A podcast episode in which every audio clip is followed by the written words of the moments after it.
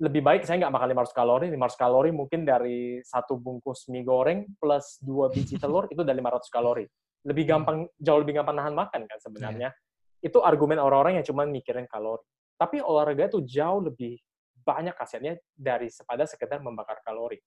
Will Talk Podcast, where young generations speak up. Halo semua, balik lagi di podcast Will Talk selanjutnya. Sekarang kita kedatangan seorang dokter nih. Dokter Dion Haryadi. Wih, dokter ini biasanya ngasih info-info di TikTok ini secara gratis dan secara bercanda tapi. kan kalau misalnya orang bosen gitu ya, tapi ini dokter ini suka bercanda. Kayak minum misalnya makan makan gendut-gendut gendut terus soalnya emaknya suka bikin makanan enak kirimin saya aja gitu Iya, iya, iya. aduh dokter yang bermain TikTok nih kenapa bisa kepikiran buat main TikTok dok Em, sebenarnya saya bikin konten itu udah dari agak lama ya. Em, sebelum TikTok juga sebenarnya udah di YouTube terutama awalnya itu di YouTube Oh. dari tahun 2018 ya kalau nggak salah ya. Karena memang passion saya ke arah fitness, ke arah diet juga, ke arah Hmm. nutrisi. Jadi memang ke arah sana pingin ngembangin karirnya juga. Jadi ya memang kalau misalnya zaman sekarang juga kita mengikuti, setelah itu memang istilahnya saya pingin ngatur karirnya memang secara online kerjanya lebih banyak seperti itu. Satu untuk keluarga juga, untuk secara passion saya juga ada di bidang ini. Jadi akhirnya ngembanginnya ke arah konten. Yang pertama-tama sebenarnya YouTube, baru tahun 2019 akhir ya, itu saya baru mulai bikin TikTok. Itu pun karena dengerin Gary V. William dengerin Gary Hmm. V. bener aku ber-ber Gary V banget aku selalu dengerin Gary V tuh William bikin TikToknya dari kapan? aku Pertama kali baru bikin TikTok. aku satu bulan yang lalu baru banget Sebulan yang lalu baru bikin kan? Iya. Si Gary V itu udah ngomong dari 2019 pertengahan ya, apa 2019 akhir setengah Iya, saya. dia- Dia, udah udah, udah lah. aku juga dengerin banget dia kan dia ngomong TikTok Hmm. TikTok terus tapi aku kayak Mm-mm. belum mulai-mulai gitu akhirnya juga Heeh. aku penasaran kayaknya TikTok ini bener soalnya teman-teman juga Hmm. pada mulai pakai TikTok gitu kan Hmm, Jadi awalnya itu gara-gara dia juga eh, banyak ngomongin tentang ini, koar-koar terus. Setelah saya dengerin mungkin sekitar sebulanan ya, akhirnya baru mulai gerak ya. Udah kita coba deh bikin TikTok. Dan pada awal itu memang nggak gitu jalan. Maksudnya nggak gitu gimana, saya juga nggak terlalu fokus di sana. Masih sibuk bagi antara YouTube, antara TikTok, antara Instagram juga. Masih sibuk bagi-bagi praktek dan lain sebagainya. Tapi sampai sekarang setelah eh, saya ingat bulan Januari, bulan Februari itu akhirnya saya mulai mutusin untuk mau lebih fokus lagi. Jadi setiap harinya saya TikTok post sekitar dua post atau tiga post setiap harinya. Jadi itu konsisten bikin bikin bikin dan ya mulai ada hasilnya sekarang sih kalau menurut saya mulai ada kelihatan. Mm-mm. tapi itu dokter gimana ngebagi waktunya tuh kan harus praktek juga TikTok YouTube. Instagram gitu dok. Jadi kebetulan saya setelah selesai internship, jadi kalau misalnya kita eh, secara dokter dari dokter umum, kita udah sumpah dokter, kita harus internship dulu, internship selama satu tahun, jadi magang di daerah terpencil istilahnya. Saya dapat di Bintan pada saat itu setelah selesai setahun, habis itu bingung juga mau lanjutin di mana, mau lanjutin ke kalau misalnya dokter umum udah selesai internship itu pilihannya lumayan banyak tapi terbatas juga. Jadi istilahnya kita bisa ke rumah sakit atau kita bisa praktek seperti itu, praktek eh, umum istilahnya di apotek lah atau di klinik dan lain sebagainya. Pilihan saya pada saat itu jatuh di saya mau praktek pribadi. Jadi Hmm. saya memang passionnya mungkin bukan di rumah sakit ya. Eh, jenis orang yang mungkin nggak bisa istilahnya bekerja di bawah pressure juga saya orangnya. Jadi orangnya memang agak sedikit lemot juga dalam berpikir. Em, akhirnya ya udah praktek pribadi aja. Jadi praktek di apotek pada saat itu dan sudah berjalan sekitar setahunan lebih kalau nggak salah. Sambil saya juga ngembangin eh, sistem istilahnya coaching secara online untuk nutrisi, bikin konten dan lain sebagainya. Dan setelah COVID-19 itu sebenarnya tahun ini rencananya adalah mau nambah tempat praktek sebenarnya. Cuman karena COVID-19 menyerang, akhirnya malah nggak ini juga. Akhirnya karena pasiennya juga semakin sedikit juga ya, eh, karena COVID-19 dan lain sebagainya, akhirnya ya udah tetap stick to satu praktek aja sebenarnya. Hmm. Prakteknya pagi hari, dan juga sistemnya on call sekarang. Karena kita eh, istilahnya kalau ada pasien yang urgent, yang perlu dibantu, baru biasanya kita datang. Tapi kalau misalnya enggak, biasanya bisa via online dan lain sebagainya. Oh. Karena kan sekarang ada aplikasi telemedicine juga ya. Halo dok, eh, halo Iya, iya, sehat, iya, dan iya. lain sebagainya. Nah, bisa dibantu dari situ istilahnya. Beberapa pasien yang em, mungkin gejalanya tidak terlalu mm, mengkhawatirkan, bisa kita lakukan via online, anamnesisnya, wawancaranya, nggak perlu pemeriksaan fisik, kita bisa kasih diagnosis, bisa kasih obat, oke, okay, gitu, bisa dibantu hmm. dari situ. Begitu. Tapi kalau misalnya kayak via online gitu kan, kadang hmm. biasa kalau aku ke dokter ya, aku ke dokter aja hmm. pasti minimal tuh pakai stetoskop, terus yes, dia dilihat benar. lidah. Nah, betul, betul. yang lihat leher itu kan. Hmm, betul. Nah, kalau online gimana dok caranya? Jadi gini, sebenarnya dari pemeriksaan kedokteran itu 80 70 sampai 80 persen itu didapatkan diagnosisnya itu dari anamnesis sebenarnya. Jadi dari wawancara 70 sampai 80 persen. 20 sampai 30 persen lainnya itu confirming. Jadi kita memastikan dari pemeriksaan fisik, pemeriksaan lab dan lain sebagainya.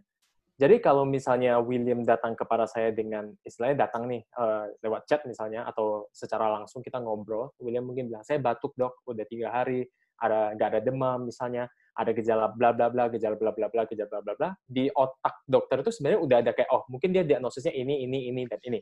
Seperti itu. Maksudnya memang kami selama enam tahun setelah kerja di mana-mana juga otaknya sudah dipatri ke arah sana. Jadi udah tahu kira-kira ada diagnosis A, B, C misalnya. Hmm. Nah, um, kalau misalnya lewat aplikasi telemedicine, ya kita akan istilahnya merujuk ke diagnosis yang paling mungkin. Tapi kami juga akan mempersiapkan pasiennya untuk uh, worst case scenario. Jadi kalau misalnya dengan obat ini gejalanya tidak berkurang dan lain sebagainya, silakan periksakan ke dokter yang uh, seharusnya pemeriksaan hmm. fisik dan lain sebagainya. Tapi udah ada perkiraan kira-kira sakitnya apa sih seperti itu. Dan kalau misalnya perlu dikontrol ulang setelah tiga hari dan seterusnya ke pasiennya ke spesialis apa dan lain-lain seperti itu.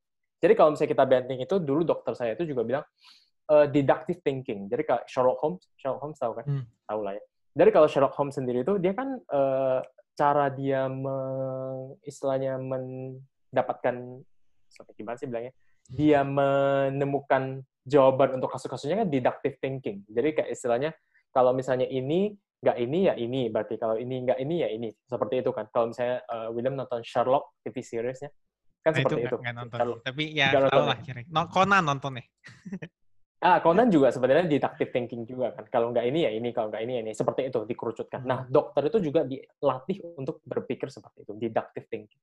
Seperti itu sih. Hmm. Walaupun pemeriksaan fisik juga penting ya, terutama kayak case-case kayak misalnya usus buntu, eh, kita membedakannya dengan nyeri lambung biasa dan lain sebagainya. Tapi ya kalau dari wawancara udah kelihatan gejala-gejalanya seperti apa, udah ketahuan cukup banyak sebenarnya. Begitu. Berarti works banget ya kan 80% wawancara itu works banget ya. Aku kira kayak hmm. kayak Halodoc gitu kayak bukan Gimana? yang uh, hal yang benar-benar bakal jalan lah kan maksudnya kalau ke dokter kan harus dicek ini itu. Ternyata uh, uh, uh, baru tahu tuh. Uh, uh, jadi ada satu kadang itu saya tinggal di mana ya? Kayaknya di podcastnya Third Days of Lunch si Ruby Alexandro sama uh, Aryo Protomo, Chegario. Jadi mereka cerita juga uh, mereka menggunakan Halodoc. Mereka pada saat itu wawancarain foundernya Halodoc. Jadi mereka cerita di sana istrinya si Ruby yang sakit pada saat itu. Jadi awalnya dia bilang dia sakit perut, lambungnya dan sebagainya kayaknya nggak enak. Tapi dari dokternya itu sendiri menyatakan, oh mungkin kamu sakit ini, tapi ada kemungkinan juga kamu usus buntu. Kalau misalnya setelah tiga hari atau dua hari kamu tidak membaik, silakan periksakan langsung ke dokter. Nah, setelah mereka mendapatkan itu, awalnya mereka masih di rumah. Terus setelah mereka minum obat dan lain sebagainya, perubahannya nggak ada, eh, gejalanya justru seperti yang dokter itu bilang, mereka udah alert, oh ini mungkin usus buntu nih, karena diberitahu sama dokter itu kan. Mereka langsung ke IGD pada saat itu. Nah itu yang tepat penggunaannya menurut saya. Hmm. Jadi nggak selalu, tapi pemeriksaan fisik, pemeriksaan lab itu untuk confirming sebenarnya, untuk memastikan. Dan untuk kasus-kasus yang kayak istilahnya lebih ringan, ya kita juga mengurangi penularan dari COVID-19 juga ya. Nah, oh, jadi iya, bisa iya. menggunakan aplikasi telemedicine itu. Tapi kalau misalnya sebagai dokter kan hmm. maksudnya banyak banget pasien yang udah dicek dan hmm. apakah ada kemungkinan kalau dokter tuh bisa salah dok salah dalam memberikan maksudnya salahnya tuh benar-benar melenceng gitu maksudnya harusnya dia sakit hmm. ini tapi kita malah kasih obatnya ini yang nggak bisa nyambung ke penyakitnya gitu misdiagnosis terus habis hmm. itu mistreatment berarti. Salah diagnosis habis itu salah pengobatan. Itu mungkin nggak dok? Oh jelas, maksudnya namanya dokter kan manusia ya. jelas bisa ya. Maksudnya kita kan nggak mungkin 100% benar setiap saat 100% selalu betul itu kan nggak mungkin. Tapi saya yakin banget setelah teman-teman dokter yang sudah melewati istilahnya kuliah lama banget ya, enam Iya, tahun kuliahnya. Setelah itu ada ujian, baru setelah itu ada magang lagi. Saya yakin pasti sudah mengasah ilmu yang tidak se- sefatal itu gitu loh, sampai Hmm. misdiagnosis parah banget, sampai obat-obatannya juga sampai salah, sampai separah itu seharusnya nggak nggak itu sih. Tapi ya tidak menutup kemungkinan bisa terjadi seperti itu. Karena namanya dokter ya juga manusia sebenarnya. Dan kita nggak bisa bilang kayak, ya kami pasti selalu benar 100%. Ya nggak bisa seperti itu juga. Hmm. Pasti ada hari-hari di mana mungkin eh, kecapean, mungkin ada masalah sedikit miskomunikasi, dan lain sebagainya. Tapi menurut saya yang paling penting yaitu di komunikasi itu. 70-80% amnetis. Jadi kebanyakan orang mungkin pada saat diwawancarai sama dokter tuh mungkin agak gak suka ya. Kayak pengalaman saya sendiri sih, kayak gimana ya, kayak ya lu dokter, lu periksa gua, lu kasih obat, selesai, udah. Hubungannya seperti itu kebanyakan orang kadang. Tapi lebih ke arah sini, anak-anak muda ya, seperti misalnya William dan ya yang seumuran, sepantaran juga, itu udah lebih mengerti bahwa dokter itu sebenarnya bukan dukun. Jadi kami mendapatkan informasi itu ya dari pembicaraan ini, dan harus secara jujur ngobrol, menanyakan, wawancara, dan lain sebagainya. Dari situlah kami memberikan satu istilah diagnosis untuk uh, William juga. Jadi harus ada komunikasi yang baik di antara pasien dan dokter di situ. Setelah itu pun penjelasan penyakitnya, penjelasan obatnya juga harus bagus. Jadi ilmu yang paling baik menurut saya yang saya dapatkan ya dari dokter, kuliah dokter itu sebenarnya ilmu komunikasi lebih ke arah gimana caranya ngobrol sama pasien yang marah-marah, gimana caranya ngobrol sama pasien yang lebih kecil, gimana caranya ngobrol sama pasien yang istilahnya merendahkan kita dan lain sebagainya. Baik banget macam. Dan itu ya ilmu yang soft skill yang menurut saya penting banget dan ya itu dapetinnya dari kedokteran itu sebenarnya. And it's fun. Ternyata dokter ini nggak cuma belajar hafalan-hafalan terus ya dok? Ada soft skill Saya soft skillnya juga. Saya nggak pinter halafalan malah, serius. Tapi kan I'm very bad. Harus ngafal kan tetap. harus hafal sih kayak dosis-dosis obatan gitu ya untuk yang general harus hafal. Tapi saya memang saya jujur saya ngakuin saya saya orangnya nggak pinter banget ngafal. Jadi saya lebih ke arah ingat sesuatu istilahnya saya mengerti dulu proseduralnya gimana ngerti mekanismenya baru saya berani ini. Tapi kalau kayak ngafalin banget saya kurang pinter jujur aja. Tapi kan kayak Nah, misalnya anatomi dari atas sampai ujung kaki yang eh, macam-macam tulang. SMA aja aku ah, ah. ngafalinnya udah susah banget dok. Kayak tulangnya Hmm, aja namanya nama Latin ya. Iya pakai nama Latin Susah banget. Itu dokter berarti dokter itu harus hafal kayak gitu dok. Jadi kalau misalnya pas ujian dulu iya ya. Kalau ujian dulu jelas harus hafal. Jadi semester semester 2 ya, pas semester 3 ya, kita hafalin dari atas sampai ujung semua nama tulang itu harus dihafalin. Tapi kalau kayak sekarang kita udah istilahnya punya saya nggak hafal semua ya, saya jujur aja. Kalau misalnya ditanya dari ujung kepala sampai ini saya nggak hafal. Tapi kalau misalnya kayak ditanya os parietal di mana, itu udah tahu. Oh, os frontalis itu di mana. Os ulna itu di mana. Itu kira-kira udah ada gambaran, oh ya di sini os radial misalnya kayak itu. Itu udah ada Hmm. ada ada ininya. Karena sekali lagi dengan belajar anatomi itu bukan cuma ngafalin doang. Jadi penamaan dari setiap tulang di tubuh kita itu ada maksudnya sendiri. Bentuknya kah yang mirip dengan bahasa latinnya. Jadi misalnya kita ngomongin os ulna misalnya. Ulna itu sendiri kalau saya nggak salah ini nanti jadi saya jadi salah nih. Ketawa ini. Eh, bulan kalau nggak salah ya. Jadi karena ada eh, kaputnya itu, itu bentuknya seperti bulan, makanya dipanggil os ulna. Kalau saya nggak salah ya, nanti saya salah deh. Semoga nggak salah ya. nanti nanti ada yang eh, mungkin mahasiswa kedokteran ya nonton ini mungkin salah, tolong dibenarin aja di bawah. Tapi istilahnya kita belajar dari penamaan nama tersebut, kenapa sih namanya seperti itu, dan dia letaknya di mana dan lain sebagainya itu kita pelajari. Seperti itu sih. Kalau os ulna di mana dok? Apa tuh? Bagian mana? Tangan. Oh. Jadi biasanya ada eh, fraktur, eh, istilahnya ada patah tulang, ya biasanya di radius sama ulna itu. Jadi antara dua ini biasanya yang patah. Jadi ada patah yang di ujung atau patah yang di lebih ke proksimal kayak gitu. Nah makanya kita udah tahu. Jadi kalau dokter dibilang os ini misalnya, walaupun mungkin nggak hafal pastinya ya, tapi udah tahu oh di sini. Kira-kiranya ya berarti. Kira-kiranya udah tahu lah. Hmm. Ngomong-ngomong aku pernah patah juga tuh dok. Tangan dulu. Sini. Oh, oh, oh, oh, oh. Tapi waktu itu nggak di nggak dioperasi gimana? Mungkin masih kecil ya. Jadi cuman di gips gitu terus dia tumbuh umur lagi. berapa? Wah masih kecil banget. Kayaknya nggak tahu eh umur berapa. SD Kalau anak kecil 3 gitu sih. Biasanya Iya. reposisi doang, nanti dia tumbuh kembali. Karena masih bagus banget anak kecil, regenerasinya masih Hmm. bagus banget. Kalau kayak kita udah gede gini ya, melihat sih keparahannya separah apa, frakturnya seperti apa gitu. Hmm. Terus dok, aku jadi keingetan nih, kalau misalnya kan ada tuh beberapa orang yang ngomong kayak manusia itu berevolusi. Jadi Mhm. sampai sekarang juga masih evolusi. Jadi ada beberapa hal dari anatomi manusia yang mungkin masih ada di beberapa manusia dan di beberapa manusia lain udah nggak ada. Mungkin nggak itu? Kayak kuping goyang. Kan ada beberapa orang yang kupingnya itu masih bisa goyang, ada otot di kupingnya yang bisa goyangin kuping. Kayak aku juga bisa. Mhm. Tapi nggak semua orang bisa. Itu tuh apakah gara-gara evolusi dan ada otot yang hilang atau Mhm. gimana tuh dok? Oke, saya nggak berani ngomong yang bukan uh, expertise saya ya. Jadi istilahnya kalau kayak genetik ini bukan expertise saya, saya jadi saya nggak gitu berani ngomong. Kayak di TikTok juga sih, kalau kayak masalah kesehatan yang kayak kulit-kulitan saya nggak pernah ngomong sama sekali kan kalau diperhatikan. Hmm. Karena itu bukan expertise saya, jadi saya nggak berani ngomong. Nanti salah, mispersepsi malah lebih parah.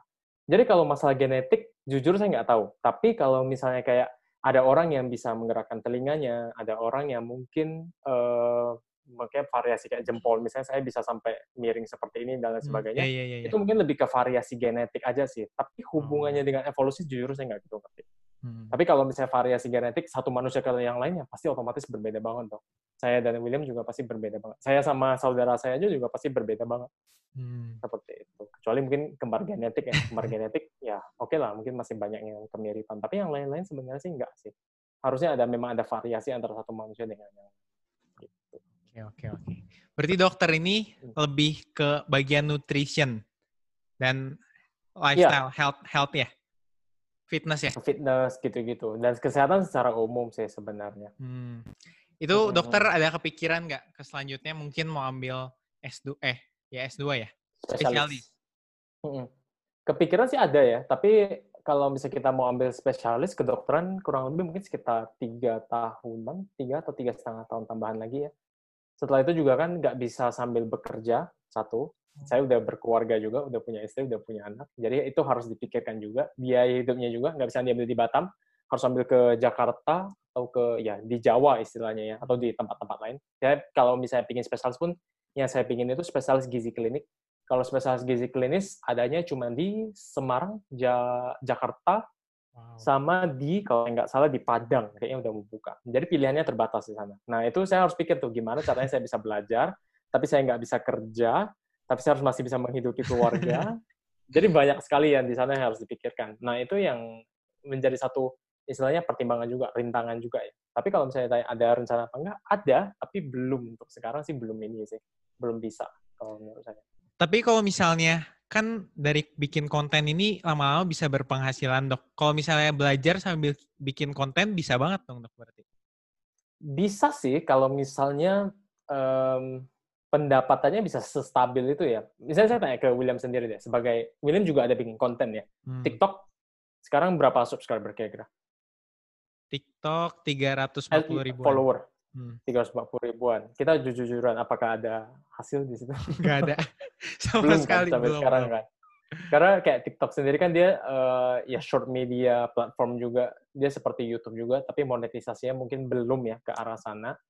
Em, jadi ya memang harus pinter-pinternya kita sih, saya rasa ya. Jadi content creating itu kadang ada waktu di mana penghasilannya lumayan, ada kalau tuh di penghasilannya Hmm. kurang lumayan dan lain sebagainya. Jadi memang nggak bisa sebagai ini yang stabil sih menurut Iya, saya, iya. ya nggak sih? Huh. Kecuali ya kita memang fokus banget ya. Ya ada juga sih, bisa juga sih. Tapi itu benar-benar emang jadi eh, salah satu syaratnya tuh benar-benar nggak boleh praktek sama sekali dok. Kalau misalnya kayak halodoc gitu kan cuman sebagai dari online gitu itu benar-benar nggak boleh. Ah itu saya nggak tahu. Mungkin setiap fakultas beda ya. Mungkin setiap fakultas beda-beda. Tapi kalau dari spesialisasi-spesialisasi yang lain sih agak sulit ya. Karena satu beban pekerjaannya juga lebih berat kalau misalnya Hmm. lagi sekolah seperti itu. Waktunya juga biasanya udah habis banyak banget. Jadi ya harus diprioritaskan lagi, harus ngatur waktunya lebih lagi. Mungkin spesialis gizi klinik mungkin lebih santai ya, tapi saya nggak tahu sih. Bakal sesantai apa juga saya nggak tahu. Tapi asumsikan kita harus asumsikan yang terburuk. Worst case scenario ya saya nggak bisa kerja, nggak ada penghasilan sama sekali. Jadi ya harus diperhatikan juga itu. Gitu. Ini juga banyak banget, udah banyak tanggungannya dok. Mm-mm, betul. Jadi ya harus dipikirin lagi. Tapi dok, setahu aku ya, teman aku ada Hmm. yang ngambil jadi nutritionist. Mhm. Itu tuh langsung nutritionist atau semuanya harus dokter umum dulu? Ada gak langsung? Jadi nutritionist sama dokter tuh sama atau beda dok? Um, beda. Jadi, excuse me. Jadi kalau misalnya di Indonesia sendiri ada yang namanya ahli gizi. Jadi kalau ahli gizi itu ya mereka dari ambil S1, baru setelah itu kalau mereka mau jadi nutrisionis setahu saya ya, mereka harus magang di rumah sakit juga. Jadi ada perbedaan di sana. Jadi kayaknya S1 ahli gizi, habis itu mereka baru kalau misalnya magang, mereka baru bisa jadi nutrisionis, baru ya itu deh jadi nutrisionis istilahnya.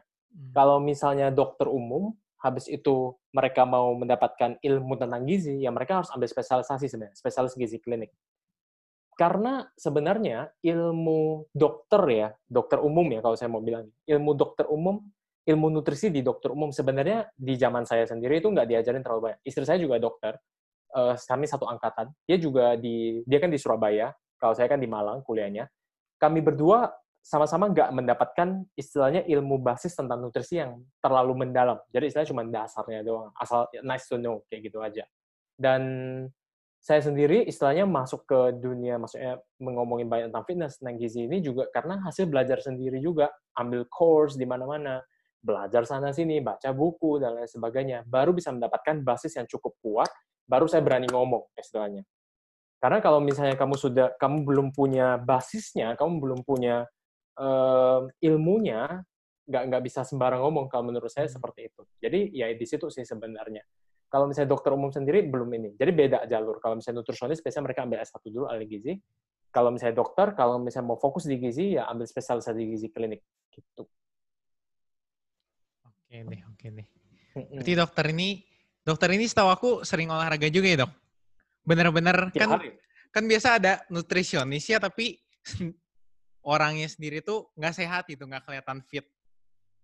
Oh oke. Okay. Hmm. Hmm. Kalau dokter ini berarti benar-benar belajar dan mengimplementasikan pada dokter sendiri ya? Ya harus, benar, hmm. harus dong. ya aku juga soalnya senang banget kayak nontonin video-video luar yang ngajarin tentang fitness, tentang nutrition kan banyak banget dok di YouTube sekarang kayak misalnya kayak whey protein mendingan whey atau kasein gitu-gitu kan ya kan kalau menurut dokter itu tuh apakah bisa di kita dengar atau misalnya belum tentu benar dok? Kan bisa mungkin viewernya udah banyak tapi bisa aja dia ngomongnya salah dok. Kalau hmm, menurut hmm, dokter hmm. YouTube YouTube informasi itu apakah oke buat didengar? Um, menurut saya kita harus lebih kritis ya dalam menerima semacam informasi. Ini benar apa enggak sih? Dan enggak cuma istilahnya nonton, habis itu menyerap, habis itu langsung percaya. Eh, ini benar nih, ini bisa kita lakukan nih. Misalnya yang kayak sering di TikTok aja nih misalnya, diet-dietan, macam-macam ada di sana. Hmm. Saya udah banyak banget dimention sama orang uh, tentang diet ini, tentang diet itu. Kita ngomongin, ini benar nggak, ini benar nggak, dan lain sebagainya kalau misalnya istilahnya kita mindsetnya sudah betul, um, basis informasi ilmunya kita sudah pegang, pertanyaan-pertanyaan seperti itu nggak akan muncul sebenarnya. Dan di otak kita kita pasti selalu berpikir bahwa ini benar nggak ya dengan apa yang sudah saya pelajari selama ini? Ini benar nggak ya? Dan ya kita harus double check ini benar nggak informasinya. Double checknya ke mana? Sebenarnya sekarang ya gampangnya kembali lagi ke Google sebenarnya. Hmm. Kembali ke Google, Cuma dari Google pun kita harus mencari sumber yang valid, jadi sumber yang benar sebenarnya. Kebanyakan orang yang nggak tahu sih, eh, William juga sering kan bikin TikTok tentang kesehatan juga kan. Hmm. Sumbernya dari mana biasanya? Sumber, Sumber yang William gunakan? Aku sih pokoknya cari yang kayak benar-benar jelas gitu. Misalnya bukan yang kayak nggak nggak terkenal. Misalnya yang terkenal tuh kayak TED, TED Talks, yang mm -hmm. TED kan kayak dari sumbernya pun benar-benar dari dokter atau enggak kayak mm -hmm. bright side gitu-gitu dok. Yang kayak dia udah terpandang udah banyak yang nonton dan menurut aku hmm. kalau dia udah banyak yang nonton juga dia jadi kayak punya responsibility pada saat membuatnya nggak sembarangan gitu dok. Kalau aku. Oke, okay. jadi sebenarnya um, pendapat ahli itu nomornya paling bawah. Hmm. Itu yang level kredibilitasnya itu paling bawah. Omongan saya di TikTok, omongan saya di YouTube itu kredibilitasnya paling bawah. Karena saya bisa salah. Yang di atas itu sebenarnya adalah penelitian-penelitian. Jadi dari jurnal sebenarnya. Jurnal penelitian pun sebenarnya ada levelnya. Jadi ada level jurnal penelitian yang levelnya rendah, ada levelnya yang tinggi. Nah, itu yang harus kita bandingkan satu persatu. Saya juga masih belajar sih untuk masalah ini. Jadi untuk membaca jurnal, istilahnya ada satu skill lagi yang kita harus pelajari. Ini jurnalnya menggunakan sistem penelitian apa, penelitiannya dilakukan seperti apa, konklusi yang ditarik oleh penulis itu benar apa enggak, sudah ada ilmuwan lain yang mereview jurnal tersebut atau enggak. Jadi banyak sekali. Nah, kebanyakan dari teman-teman mungkin membuat uh, seperti itu tuh cuman dari misalnya nonton uh, Google atau YouTube hmm. misalnya, and oh mungkin itu benar, kita gunain aja. Padahal sebenarnya belum tentu omongan orang itu benar gitu loh. Hmm. And we need to double check. Jadi double check terus. Kalau misalnya kayak eh, website kesehatan yang bisa dipakai, salah satu yang cukup bagus, Healthline. Healthline karena dia setiap uh, informasinya itu dia ada uh, link ke jurnalnya. Jadi ini dia ngomong apa berdasarkan jurnal apa. Jadi ada berdasarkan apa dia omongnya. Jadi kalau misalnya bilang kayak, oh si dokter Dion kemarin bilangnya kayak gini, itu bukan argumen yang valid karena saya tidak bisa terlalu di ini, saya di bawah gitu loh. Saya bisa salah gitu loh. Lebih bagus kayak misalnya berdasarkan jurnal ini di tahun ini yang tentang ini, mereka ngomongin tentang ini. Itu pun masih bisa salah. Jadi harus ada semacam gimana ya? Kita harus bisa mengkritisi, kita harus bisa ada humility juga, ada rendah dirinya juga untuk bahwa oh mungkin saya salah nih seperti itu. Karena semakin kita belajar tuh bakal semakin merasa gimana ya? nggak benar gitu masalah kita salah ya nggak sih ada perasaan seperti itu kan iya iya iya benar-benar aku jadi, gitu. jadi jadi keinget satu hal nih dok yang baru-baru ini yang trending dok tentang kalung hmm? eukaliptus eh oh, okay. eukaliptus ya benar ya dok. Nah itu gimana kata dokter kayak kalung eukaliptus okay. bisa menyembuhkan corona ya uh, saya nggak tahu klaim pastinya apa ya, saya juga nggak berani bilang. Tapi kayaknya sih untuk mencegah ya. Oh, iya, Setahu saya ya, katanya sih untuk mencegah untuk penularan corona. Ya kita harus kembali lagi ke bagaimana SARS-CoV-2, bagaimana COVID-19 itu bisa saling menularkan istilahnya. Ya dari droplet kan. Hmm. Dari droplet. Jadi dari misalnya kalau ada saya punya SARS-CoV-2 di saluran pernafasan saya, saya ngomong, habis itu saya mungkin bersin dan lain sebagainya, droplet tersebut tersebar, mungkin kena di meja, mungkin kena langsung di mukanya William dan lain sebagainya. Itulah yang akhirnya menyebabkan saya uh, bisa tertular SARS-CoV-2 itu. Misalnya nih katakan kita berdua ngobrol langsung, jaraknya mungkin dekat ya, lebih dekat misalnya. Kita ngobrol-ngobrol-ngobrol terus saya tiba-tiba bersin ke muka William. William pakai kalung itu. Saya bersin langsung ke hidungnya William. Menurut William gimana? Apakah kalung itu bisa melindungi saya dari semburan? Enggak, pasti. Nah, seperti itu sih sebenarnya. Jadi um, dalam penggunaan obat-obatan dan lain sebagainya, kenapa vaksin lama ya? Karena juga penelitiannya lama. Maksudnya kayak kita harus mencari vaksin yang tepat. Berbagai macam jenis vaksin. Habis itu itu harus dites ke binatang dulu. Habis itu harus dites ke sedikit populasi manusia. Kita lihat hasilnya gimana. Dari sana kita kasihkan lagi ke populasi yang lebih gede. Baru habis itu bisa di... Ini pun udah dipercepat banget sebenarnya. Kalau mau hmm. sampai katanya dalam kapan sih dalam tahun ini akhir tahun ini ya bakal di mass produce ya salah satu vaksin yang udah mulai uh, bagus udah mulai oke okay itunya itu pun ini udah cepat banget bener-bener cepat banget kalau ini menurut saya untuk pemeriksaan vaksinnya juga cepat banget jadi ya misalnya kalung-kalungan gitu dari istilahnya secara kita menalar logika dari penu, cara penularannya saja sebenarnya nggak masuk akal kalau menurut saya ya tapi nggak tahu sih klaimnya gimana dari mereka saya juga nggak jelas jadi aku juga kemarin justru ngebacanya pusing. Jadi kayak kan di Line Today kan. Biasanya menurut aku anak muda sekarang tuh baca banget Line Today, Dok. Ya, Kalau dokter baca gak Line Today? Enggak sih. Oh, enggak. Nah, di Line Today itu di ada si tentang yang kalung itu. Kayak kalung biasa. Mungkin kalau nggak salah aku baca kalungnya itu ada minyak eukaliptusnya. Dan aku bingung, okay. apakah Minyak jadi kalau misalnya ada yang haji dari jauh gitu, diserap minyaknya atau gimana cara kerjanya kan nggak masuk akal gitu. Nah aku, itu. Makanya sedikit bisa gitu. Ya. Khawatirnya ya. tuh saya, kayak beginian itu khawatirnya saya kayak teman-teman yang masih pakai sarung tangan pas di luar dan sebagainya, khawatirnya saya itu hal-hal kecil seperti ini yang belum tentu benar itu mengaburkan hal-hal yang seharusnya dilakukan dengan konsisten. Sama seperti orang diet ya sebenarnya. Jadi hal-hal yang sudah terbukti secara baik dan secara konsisten bagus itu adalah menjaga jarak, mencuci tangan secara bersih dengan menggunakan air dan sabun, menggunakan masker dengan tepat sebenarnya. Jadi penggunaan masker juga nggak boleh sembarangan. Melepasnya, menyimpannya, semuanya itu ada tata caranya sendiri. Hmm. Nah, hal-hal kecil seperti ini tuh yang bisa mengaburkan istilahnya. Orang-orang yang kayak misalnya, ya udah saya pakai ini, saya aman. Jadi saya nggak perlu jaga jarak, saya nggak perlu pakai masker. Takutnya ada yang seperti itu, takutnya ya. Kalau misalnya sudah bisa melakukan itu secara konsisten, setelah itu ini juga kalau menurut dia dia yakin itu benar, habis itu tidak merugikan orang lain ya, ya silakan itu hak anda pribadi. Sama seperti orang-orang yang ngomongnya kayak, ya gue ngerokok kok, tapi gue jaga makan dan gue olahraga. Rokok itu, eh sorry, menjaga makan dan olahraga itu tidak menghilangkan fakta bahwa merokok itu buruk buat kesehatanmu. Hal-hal seperti itu yang saya nggak mau terjadi maksudnya. Ya Hmm. harus dilihat lah gitu. Kalau ya begitu. Ngerti nggak maksud saya? Ya, ya ngerti-ngerti. Mm-mm. Kalau dari pandangan nutritionist dok, eh olahraga itu seberapa penting dok Dalam dalam buat kesehatan kan? Kalau misalnya konteksnya lagi Very. sekolah nih, kalau sekolah kan seminggu sekali pasti minimal ada pelajaran olahraga. ya Nah, sure. Mm. Seudah sekolah itu kebanyakan orang kalau misalnya yang emang niatnya olahraga, ya pasti dia olahraga terus dong. Nah, Iya, tapi kalau kayak misalnya jujur aja orang tua aku bener-bener Mhm.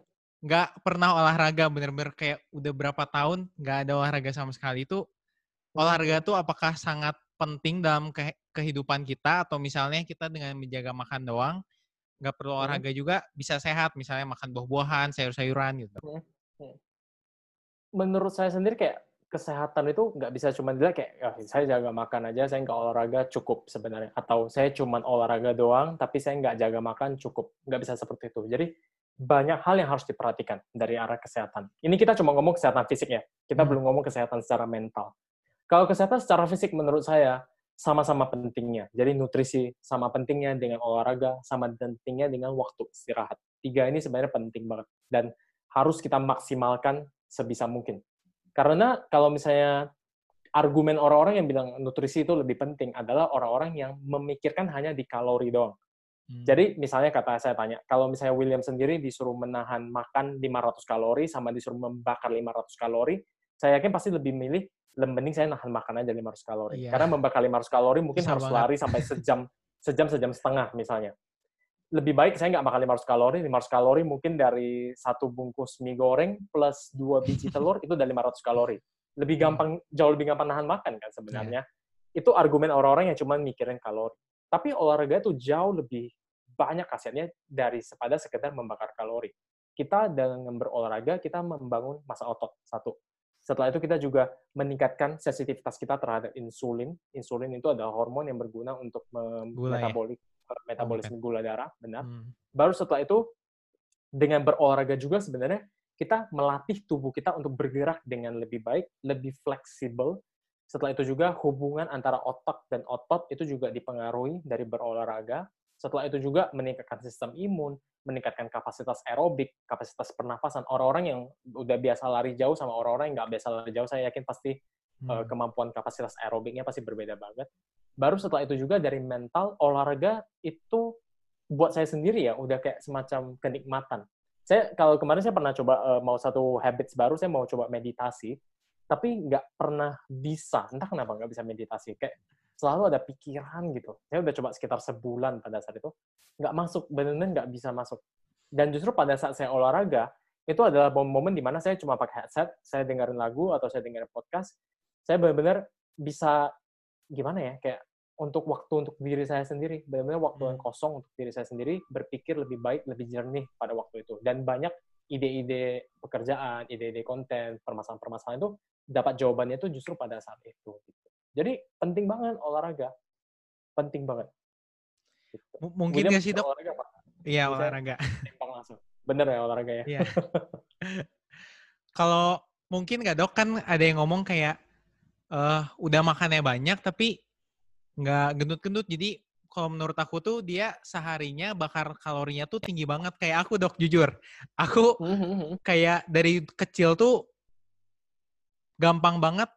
Jadi makan udah keluar lagi makan keluar lagi jadi nggak gendut-gendut gitu dok. Itu apakah mungkin Mhm. gara-gara olahraga terus jadi metabolismenya cepet jadi bakarnya cepet juga jadi nggak gendut gitu dok. Kan ada sehari misalnya kita 1.500 kalori yang hilang. Kalau kita makan lebih dari itu pasti ngegendutin. Kalau kurang dari itu kan ngurusin. Benar, benar, benar. Jadi um, kebanyakan orang seperti istri saya juga gitu. Dia kebalikan dari saya. Kalau saya makan, saya lebih ke kalau misalnya makan saya harus benar-benar jaga karena saya lebih mudah gendut. Hmm. Kalau istri saya itu dia susah banget mau gendut. Jadi dia kurus banget seumur hidup. Benar-benar kurus banget seumur hidup. Dan ya sama sepertinya uh, gimana ya alasan dari orang-orang yang nggak bisa gendut itu adalah saya makan apa aja nggak bisa gendut. Padahal saya udah makan banyak banget. Tapi harus dilihat lagi, kamu melakukan itu secara konsisten berapa lama?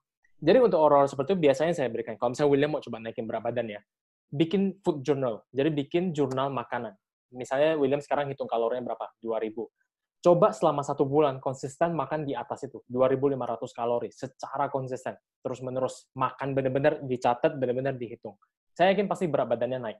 Karena biasanya yang kita ingat itu yang ekstrim doang. William mungkin ingatnya, saya udah makan baik banget loh, saya makannya ini, ini, ini, ini, ini, ini. Bisa hmm. aja besoknya atau lusanya, William nggak makan sama sekali seharian karena sibuk ngerjain ini, karena sibuk ngerjain itu, nggak makan sama sekali. Jadi mungkin yang hari ini makannya 3.000 kalori, besoknya mungkin cuma 1.500, 1.200, besoknya juga 1.000, habis itu mungkin besoknya 2.000 dikit, 1.800, 1.700. Jadi secara rata-rata yang dimakan masih di bawah kebutuhan kalori.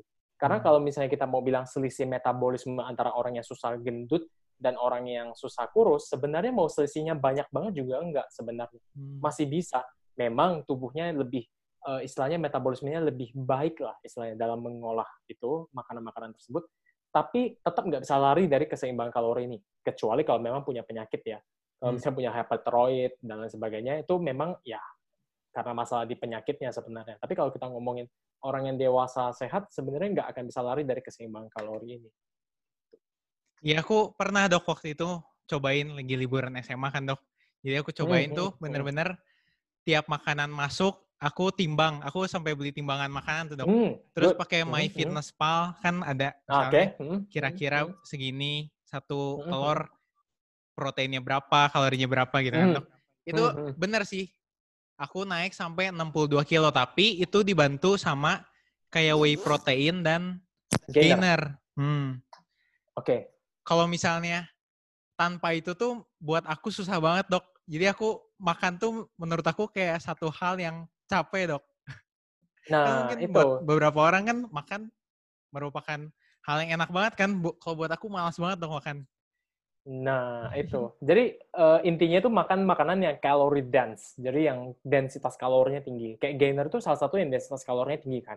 Sekali kamu minum tuh udah berapa ribu kalori tuh hmm. sekali kamu minum sebenarnya itu bisa dibuat juga ya dari istilahnya dari makanan-makanan lain misalnya. Jadi dari kacang-kacangan kita bikin smoothies misalnya, hmm, yeah, kasih yeah. kue, kasih susu, buah-buahan banyak seperti itu. Itu juga bisa membantu untuk meningkatkan berat badan. Tapi kalau misalnya konsisten bisa kan berarti? Bisa, bisa. Bukan berarti nggak bisa kan sebenarnya. Bisa. Tapi sering ini dok, jadi udah naik kiloan nih, udah 60, 61, hmm. 62, pasti aja suka ada penyakit. Nggak tahu kenapa, misalnya diare lah, atau mah aku sering banget sakit makan, jadi turun lagi, naik, turun lagi. Jadi lama-lama capek juga. Tapi gitu. Harus tapi, dok, itu sambil latihan beban juga, ototnya biar hmm, permanen. Sambil sambil. Hmm, hmm, hmm, hmm, Tapi ya dok, kalau misalnya kayak whey protein dan gainer gitu dok, apakah itu hmm? aman buat dikonsumsi terus menerus dalam waktu yang panjang, jangka panjang, misalnya hmm. setahun, dua tahun, tiga tahun terus ya dikonsumsi? Hmm. Atau misalnya sampai satu kan biasa sekali beli yang banyak kan dok biar lebih murah Kantong Apakah sekali itu habis harus istirahat dulu? Enggak sih, saya saya udah dua tahunan konsisten minum whey protein setiap harinya. No problem. Whey protein itu salah satu suplemen yang banyak banget diteliti. Salah satu yang paling banyak diteliti juga selain kreatin monohidrat ya. Um, dan efeknya sebenarnya nggak ada ini, nggak ada efek belum ada efek samping yang buruk banget kecuali kayak uh, di beberapa orang tertentu yang lactose intoleran ya bisa hmm. menyebabkan itu mungkin ada yang jerawatan juga secara subjektif ya. Tapi maksudnya untuk yang membahayakan kesehatan dan lain sebagainya sih belum ada untuk whey protein sendiri. Jadi aman aja. Karena whey protein sendiri kan datangnya dari susu. Jadi hmm. dia bukan semacam bahan kimia yang istilahnya mengerikan dan lain sebagainya. Itu mungkin persepsi orang zaman dulu ya. Hmm. Tapi zaman hmm. sekarang harusnya udah enggak lah. Karena whey protein, dia protein doang, dia tambahan protein. Kalau kayak gainer agak berbeda, karena kalau gainer biasanya dia campurannya dari karbohidrat. Karbohidratnya juga kadang ada gulanya yang tinggi banget ya. Jadi harus diperhatikan juga untuk konsumsi gula harian kita. Kecuali kalau memang um, aktivitasnya tinggi banget ya. Jadi benar-benar aktif banget orangnya, olahraganya juga berat banget. Di kasus-kasus seperti itu, kalau misalnya mau makan gula yang lebih banyak, sebenarnya nggak terlalu masalah. Karena mereka bisa memetabolisme gula itu dengan lebih baik. Tapi kalau kayak kita yang lebih banyak sedentary, konsumsi gula tetap harus diperhatikan lebih baik. Gitu. Hmm. Tapi kan dok, aku pernah baca juga kalau gainer ini ada yang namanya clean carbohydrate, tahu gak dok? Hmm, Jadi bukan gak, gula, tapi oh nggak tahu ya. Karbohidrat, hmm. tapi karbohidrat. Hmm. Hmm, hmm, hmm. Tapi bisa bukan gula. Sih. Itu kok bisa itu? Bukannya karbohidrat Karena, itu gula? Karbohidrat itu sebenarnya kita lihat dari dia kan monosakarida, disakarida, dan polisakarida. Jadi ada banyak macamnya juga. Monosakarida kan juga ada banyak banget. Glukosa, fruktosa, galaktosa. Nah, habis itu di, uh, disakarida itu juga sebenarnya kayak uh, sukrosa itu masih bisa dibilang gula. Tapi kalau dia sudah menjadi polisakarida itu udah nggak disebut gula lagi. Oh. Jadi itu disebut sebagai karbohidrat. Serat itu juga termasuk sebagai karbohidrat loh. Jangan salah, serat itu juga karbohidrat.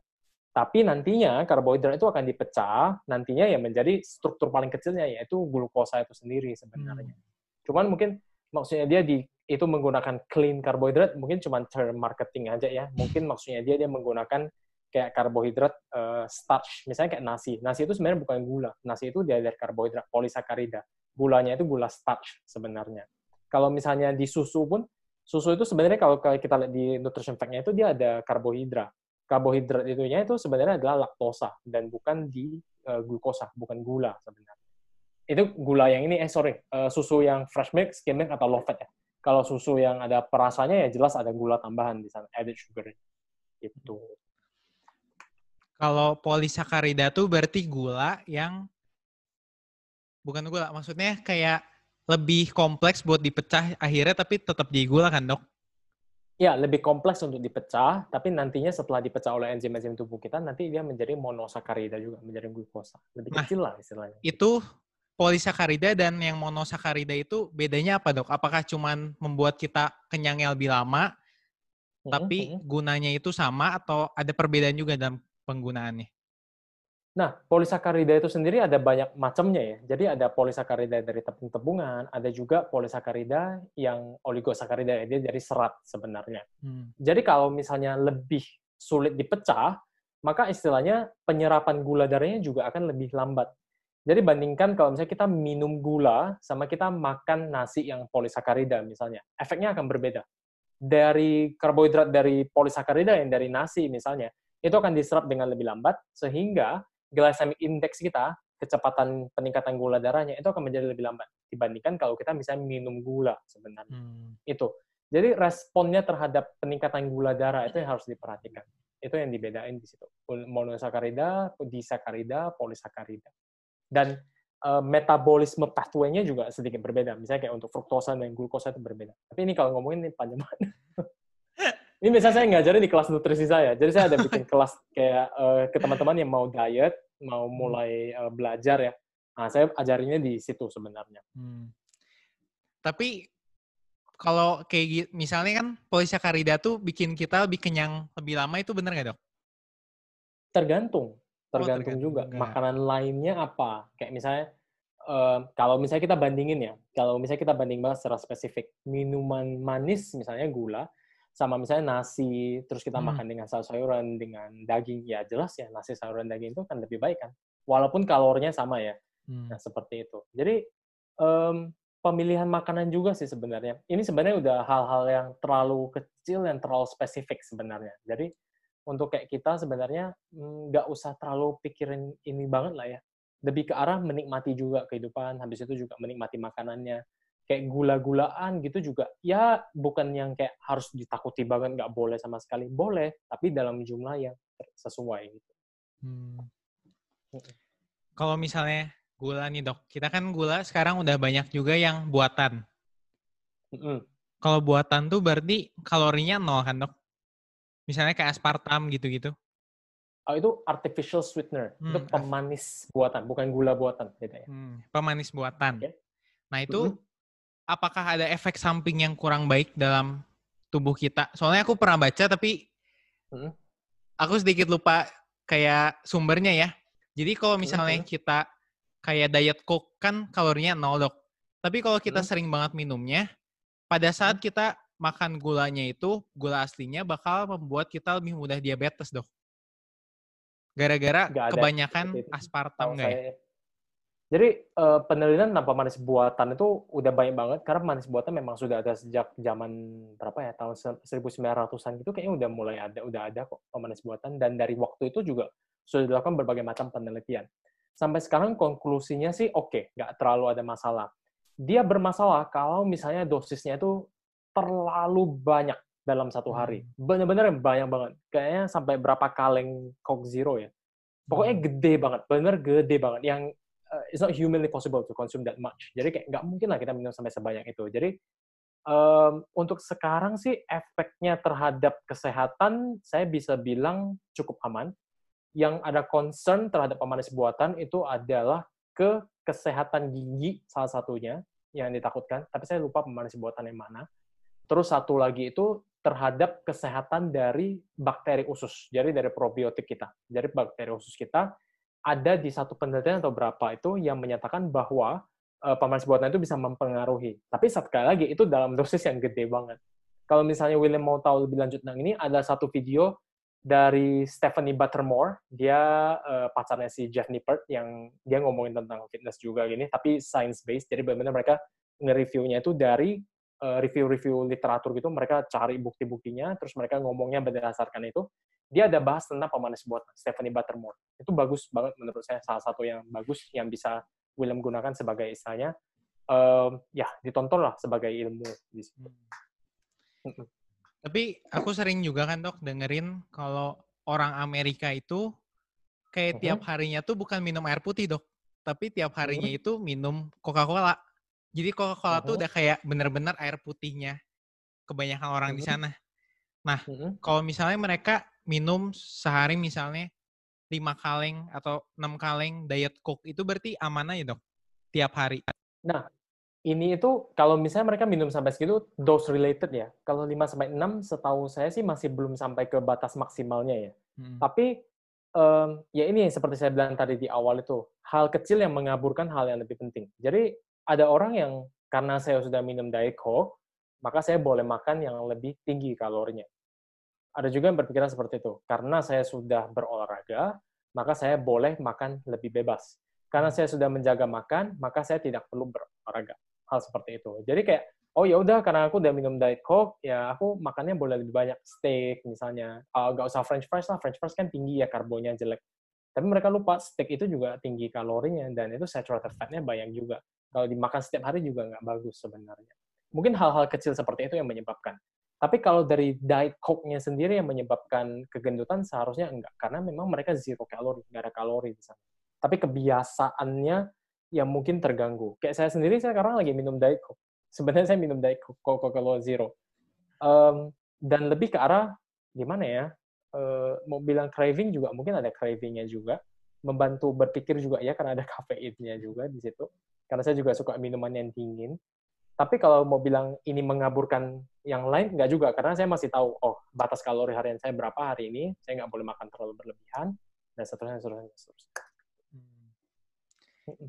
Tapi kalau buat minuman, diet coke atau air putih? Kalau saya suruh pilih, untuk apa? Dalam konteks Untuk sehat-sehat, kesehatan. Dua-duanya. Oh, dua-duanya? Kayak misalnya saya tanya sekarang, eh, untuk sehat, nasi padang sehat apa enggak menurut William? Enggak.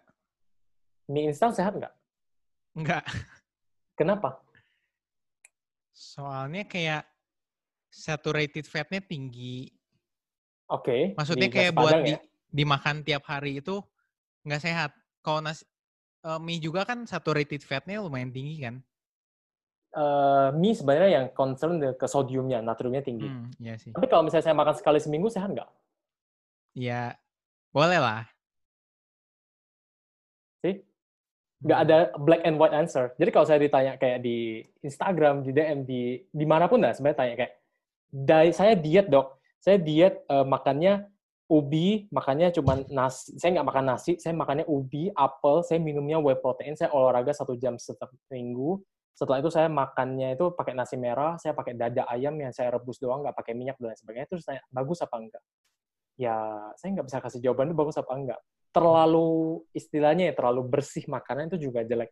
Terlalu jelek makanannya juga nggak baik. Kita perlu balance, dan kita perlu melihat makanan itu bukan sebagai sesuatu yang istilahnya baik atau buruk. Saya nggak suka banget kayak orang bilang ini makanan sehat, ini makanan nggak sehat. Nggak, nggak ada kayak gitu. Jadi kayak mie instan pun sebenarnya kalau kita mau enjoy makanannya, kita bisa atur porsinya yang nggak masalah sebenarnya sesuai dengan kebutuhan kita. Nasi padang menurut saya sehat-sehat aja.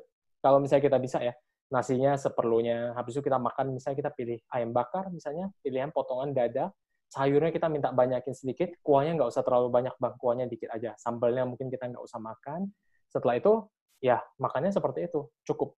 Telur, misalnya kita tambahin telurnya, sambalnya di pinggir-pinggirin tuh biar lebih kurang kalorinya itu sudah bisa menjadi makanan yang sehat juga sebenarnya. Ini sebelum podcast ini baru banget aku dok makan nasi padang. Hmm, kan saya udah lama gak makan. Saya kapan ya minum makan sebenarnya? Dua minggu lalu kayaknya. Aduh. Jadi pingin deh. Oke, gitu. Ini kok jadi ngomongin kesehatan ya? Iya. Tapi emang menarik banget dok, soalnya kan dokter emang hmm. sukanya bagian bidang kesehatan gitu kan dok. Jadi ada perbedaan lah sama kreator yang lain kan kalau yang lain kan benar-benar tentang content creating, TikTok gitu. Oh iya sih sebenarnya Jadi, yang lain siapa aja sih? Sedikit bosan. Saya tahunya Stanley, Stanley How. Udah lumayan banyak kok dok. Jadi kayak tiap Koko hari, merah. hampir tiap hari ah. Koko Merah, Kelly hmm. Courtney, hmm. banyak lumayan. Hampir tiap tapi, hari ada ini ya, hmm. upload terus ya. Tapi lebih ke ini terus dok, content creator. Jadi tiga hari ini dokter terus nih hari ini dokter kan, besok dokter, lusa dokter lagi. Oh, jadi dibagi tiga video? Enggak, enggak. Maksudnya aku undangnya dokter terus. Oh, berikutnya dokter siapa? Besok dokter Jo, lusa dokter oh. Jessica. Oh, dokter Beda-beda semua. Jessica, ya? Kan dokter nutrisionis, ah, iya, iya, iya, iya. dokter Jo IGD, dokter Jessica kulit. Oh iya, benar-benar. Hmm. Iya, iya, iya. iya. Semuanya dokter, dokter, dokter. Iya, iya rame ini dok. Berarti William sebenarnya bikin podcastnya juga oh, lumayan sih. YouTube-nya udah start dari kapan? YouTube aku sebelum TikTok sih dok. Tapi okay. sudah COVID kok baru-baru juga April lah, April sekitar Aprilan. Oh, udah berapa subscriber sekarang? Tiga ribu tiga ratusan. Nice. Oke. Okay. Langsnya yeah. lama banget loh. Sampai seribu itu kayaknya kemarin lama banget. Sekarang enak ada, karena ada TikTok juga ya salah satunya hmm. yang membantu juga ya boost trafficnya banget di sana. Aku juga dok 100 pertama 100 subscriber pertama wah setengah mati itu dok kan belum masuk TikTok kan hmm, hmm, hmm. nambah satu aja kayak udah senangnya. Susah banget dulu tuh kayak mau dapat benar-benar dapat 1000 subscriber kemarin tuh 1000 subscriber dan 4000 jam tayang tuh kayak iya iya 4000 jam. Banget. Dokter udah oh, 4000 bener -bener. jam sekarang. Udah? Wah, aku 4000 jam masih belum nih, masih berjuang parah. Hmm, susah banget. Benar-benar kayak yang awalnya tuh di awal banget itu susah banget. Tapi sekarang kayak uh, dibantu sama TikTok juga ya salah satunya dibantu TikTok juga. Terus kalau kita udah ketemu flow dari videonya yang mana yang rame itu biasanya bisa ini. Hmm. Stylenya William kan juga maksudnya bawa uh, TikToker lain atau dari content creator lain itu juga kan bisa narik audiens yang mereka hmm. juga untuk masukkan sebenarnya. Stylenya Gary Vee juga kan dia pecah-pecah apa kamu ada ini nggak? Ada download dia punya ini nggak? Uh, yang ini 60 steps atau berapa steps yang dia rilis di birthday-nya dia, cara membagi konten. Enggak. Jadi dia ngajarin gimana caranya dia bisa membagi kontennya uh, menjadi banyak banget. Jadi kalau misalnya uh, William lihat konten saya, saya ada bikin di YouTube kan. Di YouTube itu ada pertanyaannya pertanyaan komen-komentar itu. Itu saya ambil pertanyaan tersebut, terus saya bikin lagi menjadi video satu hmm. konten lagi. Yeah, yeah. Terus dari Instagram kita bikin Q&A. Instagram punya Q&A itu kita bisa taruh lagi di TikTok. Hmm. TikTok punya yeah, yeah, kita juga bisa bagi lagi menjadi ke Instagram. Video klip di YouTube kita bisa potong-potong menjadi di TikTok dan menjadi Instagram. Itu kita bisa menjadi kayak gitulah si Gary Vee. Coba hmm. dicari hmm. deh. Masih masih ada deh. Dokter udah ngikutin Gary Vee lama dok? Gak, um, dari tahun lalu sih sebenarnya awal-awal saya nggak gitu suka. Dari 2017 oh. 2018 saya nggak gitu suka karena dia ngomongnya terlalu ini kan. Kacau banget dia ngomong tuh uh, gramatikalnya dia juga yeah. ngomongnya juga ini, ini banget. Terus kayak 2019 saya benar-benar dengerin lagi. Setelah 30 days of lunch benar-benar dengerin lagi dia. Terus kayak oh masuk nih. Terus akhirnya hmm. ya udah sampai sekarang masih doyan dengerin dia Gary keren sih dia semua platform pokoknya dia dia sikat ya, LinkedIn. Mm-mm. Pokoknya jadi satu video itu bisa di podcast ada, di mana ada, semuanya ada. Kita harus bisa bikin kayak kalau misalnya kayak William harus bisa bikin kayak semacam personal brand yang kuat, yang istilahnya kayak kita di mana-mana tuh orang tetap nggak masalah gitu. Kayak misalnya kalau TikTok atau Instagram tiba-tiba hilang besok nggak Hmm. masalah, kita masih Benar, bisa ada di konten lain, kita masih bisa tetap bikin konten, nggak ada masalah sama sekali. Ada sesuatu yang khas yang niche banget, yang nggak bisa dicari orang lain kayak gitu. Nah itu sebenarnya yang Hmm. harus kita cari. Keren banget sih. Mm-mm. Oke, oke, kita balik dok, kita balik. Oke siap. Gini dok, jadi aku tuh sering sering lihatnya dok, kalau di masyarakat Indonesia mungkin dunia juga masih banyak yang suka perse- salah persepsi ya, tapi Indonesia ini salah satu yang tinggi banget kesalahan persepsinya dok. Jadi kesalahan persepsi ini Mhm. maksudnya kayak misalnya aku nih lagi masak kena minyak panas. Nah, Oke. minyak panas ini kalau aku tanya mami aku ya waktu itu Mhm. pasti disuruh kasih odol atau kasih mentega. Mm-mm. Nah, padahal itu kan nggak boleh kan dok seharusnya. Kayak aku baca-baca gitu ternyata nggak boleh kan. Mm-mm. Nah, itu kenapa persepsi itu bisa muncul dan gimana cara ngilangin persepsi masyarakat dok? Yang salah-salah itu. Harus pelan-pelan sih, saya rasa kayak kalau misalnya kayak begitu-begitu kita udah ngomongin ke berbagai macam metode tradisional dan lain sebagainya. Zaman dulu kan eh, informasi kan tidak semudah ini ya di zaman orang tua kita ya terutama ya. Pasti kan kayak ilmunya itu turun temurun dari orang Hmm. tuanya juga, dari nenek moyang dan lain sebagainya.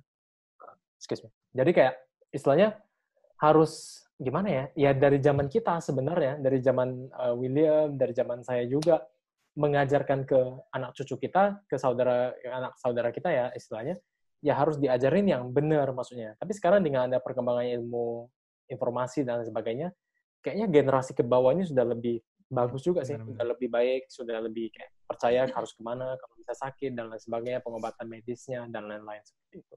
Kalau misalnya kita mau mau gimana mengubahnya, ya one step at a time. Jadi kayak misalnya di TikTok juga, kadang ada eh, video-video yang kayaknya terlalu salah banget ya, miss banget ya tentang kesehatan ya kadang ya. Nah itu kadang ada yang nge-tag saya ya, saya mencoba menjelaskan aja seperti itu. Hmm. Istilahnya kita mm, membantu sebanyak mungkin lah istilah orang-orang yang kalau mau baca dia mau percaya ya silakan. Kalau misalnya mereka melihat oh kayaknya ini nggak bener nih kayak gitu.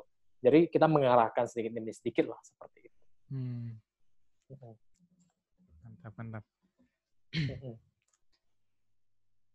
Eh, terakhir nih dok, terakhir. Iya bingung. Iya iya iya. iya. Tadi tadi udah kepikiran mau nanya apa, tapi pas dokter Kalau beres ngomong gitu sih lupa. Saya juga kadang gitu, kalau mau wawancarain orang kayak, ah, sih ngomong apa ya? Mau Bener tanya apa lagi ya? Nah, Kamu udah bikin list pertanyaan kan tapi kan? Udah, bikin tapi-.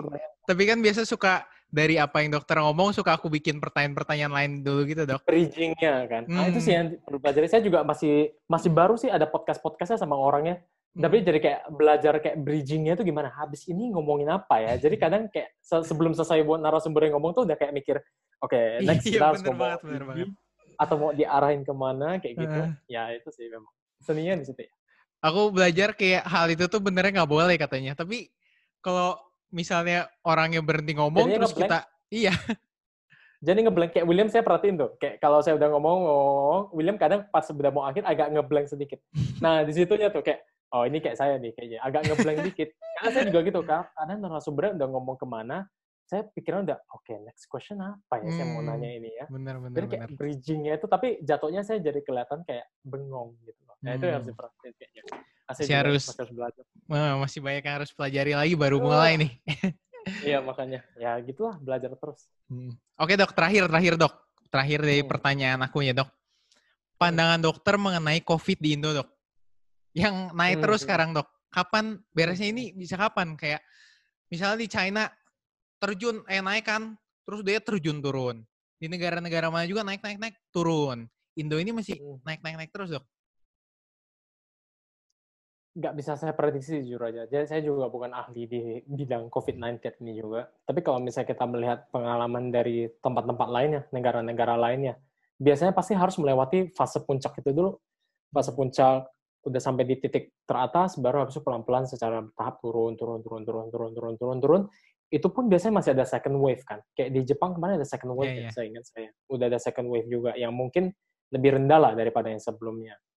Tapi balik lagi ke arah eh, bagaimana pemerintah kita menanganinya, bagaimana ma masyarakat kita menanggapinya juga, kerja dari lab dan lain sebagainya juga harus dilihat demo apa geografi, landscape geografi Indonesia juga yang harus diperhatikan. Kayak uh, William di Surabaya, saya di Batam, menurut saya kita salah satu yang termasuk beruntung. Karena hmm. akses terhadap kesehatan dan lain sebagainya lebih baik. Jauh lebih baik daripada teman-teman kita yang di Papua, teman-teman kita yang di Nusa Tenggara. Teman saya ada yang di N, sorry saya lupa lupa NTT apa NTB ya di Kupang. Kupang itu NTT apa NTB? Kurang tahu. itu juga kesulitan mereka, kesulitan banget dalam istilahnya pemeriksaan uh, lab testnya dan lain sebagainya. Kalau kita swab di Batam sini kayaknya cuma sekitar lima harian, enam harian ya. Hmm. Surabaya mungkin bisa lebih cepat tiga empat harian. Ada yang masih kayak semingguan gitu, nunggu lama. Jadi karena mereka lama nunggu hasilnya juga, penanganan pasien juga istilahnya ruangnya ini kepake sama pasien tapi ini positif apa enggak, nggak pasti, penanganannya juga nggak pasti. Gimana? Jadi agak lebih sulit di sana. Tapi ya semoga lebih cepat lah ya. Karena memang tantangan sih untuk masing-masing. Kita ngelihat kadang cuma ke negara yang gede misalnya kayak mm -hmm. Korea atau yang udah berhasil banget. Tapi kadang kayak kita lihat negara yang misalnya India India juga salah satu yang berat banget juga terdampak.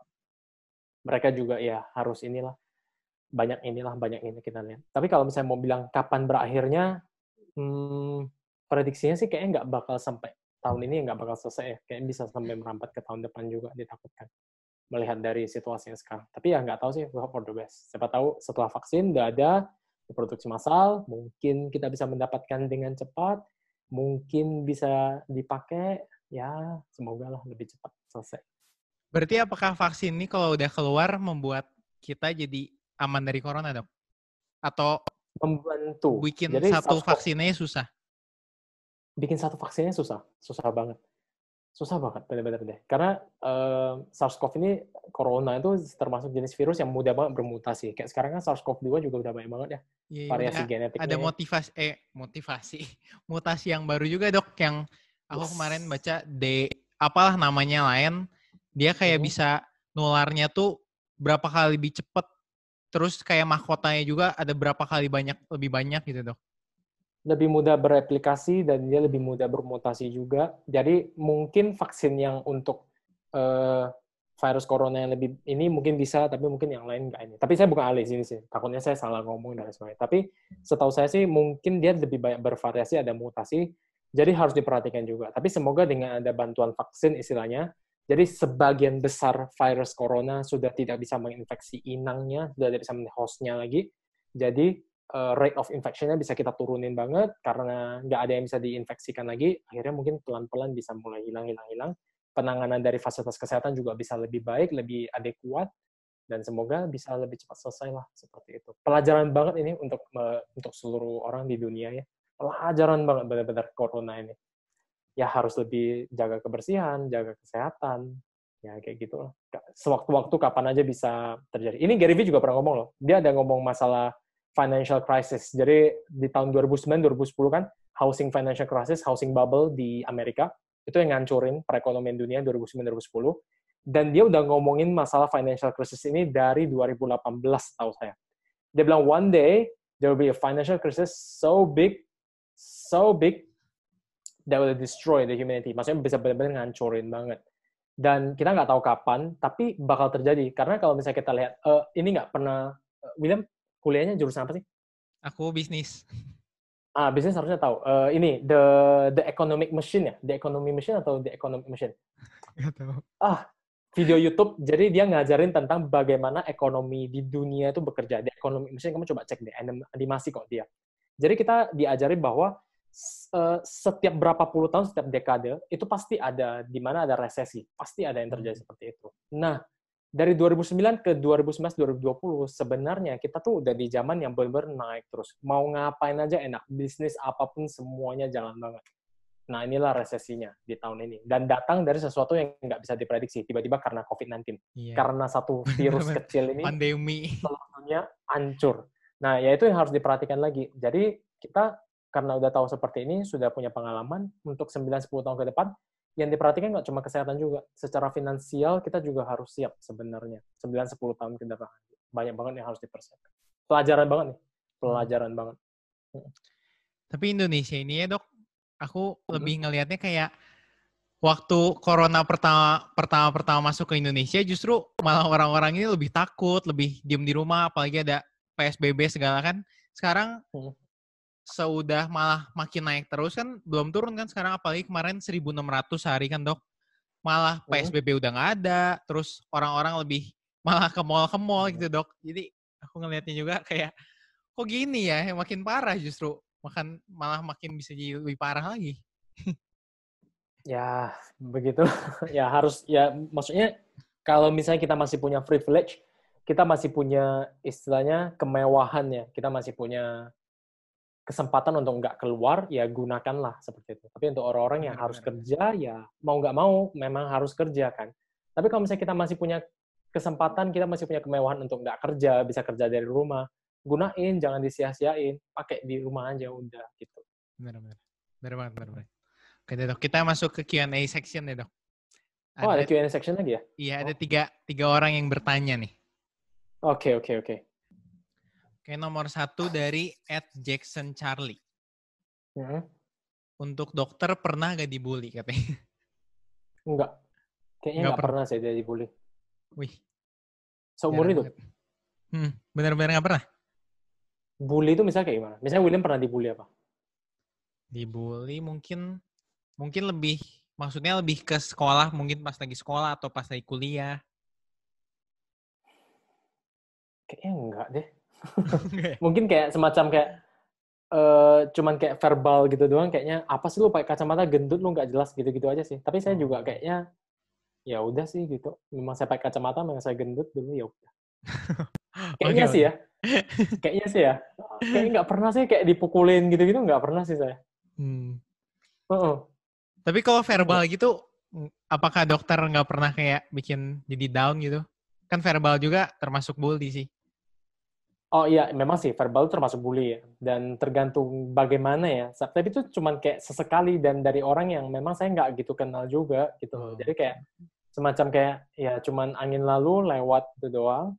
Terus seingat saya setelah itu pun udah itu di, di kayaknya saya dibilang kayak gitu SMP ya terus SMA-nya kayaknya saya udah temen lagi sama orang itu dia juga udah lupa masalah itu saya juga udah kayak ini orang nggak jelas banget ya nggak udah lupa juga ya udah gitu saya juga ya udah gitu biasanya saya kayak gitu sih orangnya tapi ya memang verbal abuse itu nggak nggak bagus juga ya maksudnya um, setiap orang menerima kata-kata itu beda ya menerima verbal menerima itu semuanya beda-beda hmm. mungkin yang buat kita kayak ringan nggak ada masalah gitu tapi buat orang lain mungkin bermasalah ya jadi ya jaga jaga sih kalau saya sih nggak nggak pernah sih kayaknya dibully kayaknya nggak pernah mungkin dibully tapi saya nggak sadar.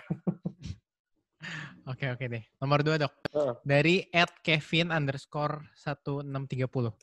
Kak, cara menghindari penyakit kanker gimana ya? Cara menghindari penyakit kanker. Kanker itu multifaktorial, jadi nggak kayak cuman satu penyebab ini ini langsung menjadi kanker gitu. Nggak nggak semudah itu. Jadi ada banyak sekali faktor bermain mulai dari faktor lingkungan, setelah itu juga faktor genetik di dalam kita sendiri juga itu bisa mempengaruhi juga sebenarnya. Excuse me.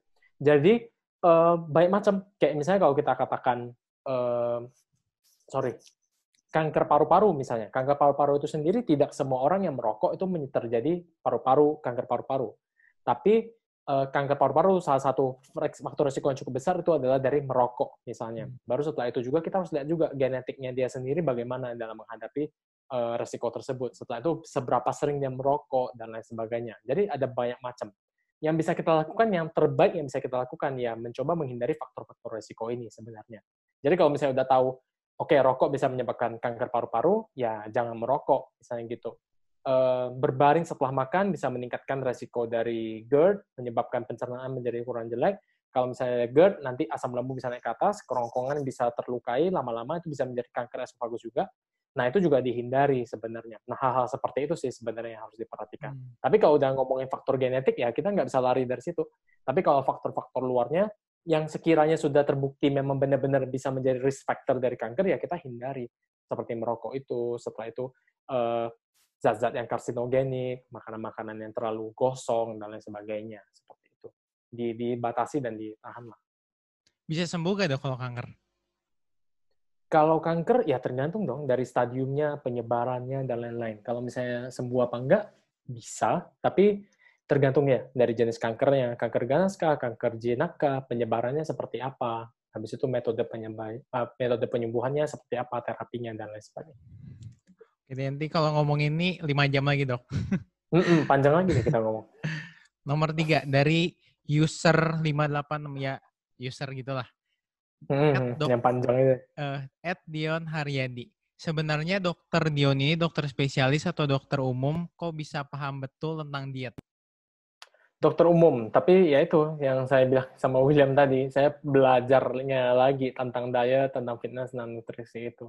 Kayak kalau kita udah passion ke satu bidang, otomatis kan kayak belajar terus-menerus ya, hmm. dan merasa kurang. Benar-benar kayak merasa kurang terus. Kayak kalau saya baca-baca-baca gitu, terus kayak kadang kayak iya ya ini apa ya gitu ya kayak masih merasa bego gitu loh dan itu akan terasa terus kayak merasa bego merasa bego nggak nggak nggak yang secara merendahkan diri sendiri merasa bego tapi merasa kita kurang gitu loh merasa kita kayak gelas yang masih kurang gitu dan yang harus diisi terus menerus ya itu belajar terus belajar terus belajar terus belajar terus belajar terus mungkin saya tahu tentang diet tentang weight loss tapi nggak semua yang saya tahu sekarang cukup dan saya masih harus belajar terus belajar terus belajar terus gitu. lebih banyak ke belajarnya sih ambil sertifikasi ambil course Oke dok, Oke dok, sekarang kita udah satu jam juga dok. Mm -mm, satu jam enam belas menit nih. Oke. okay. Thank you dok, udah mau datang di podcast aku dok. Ya, sama-sama. Semoga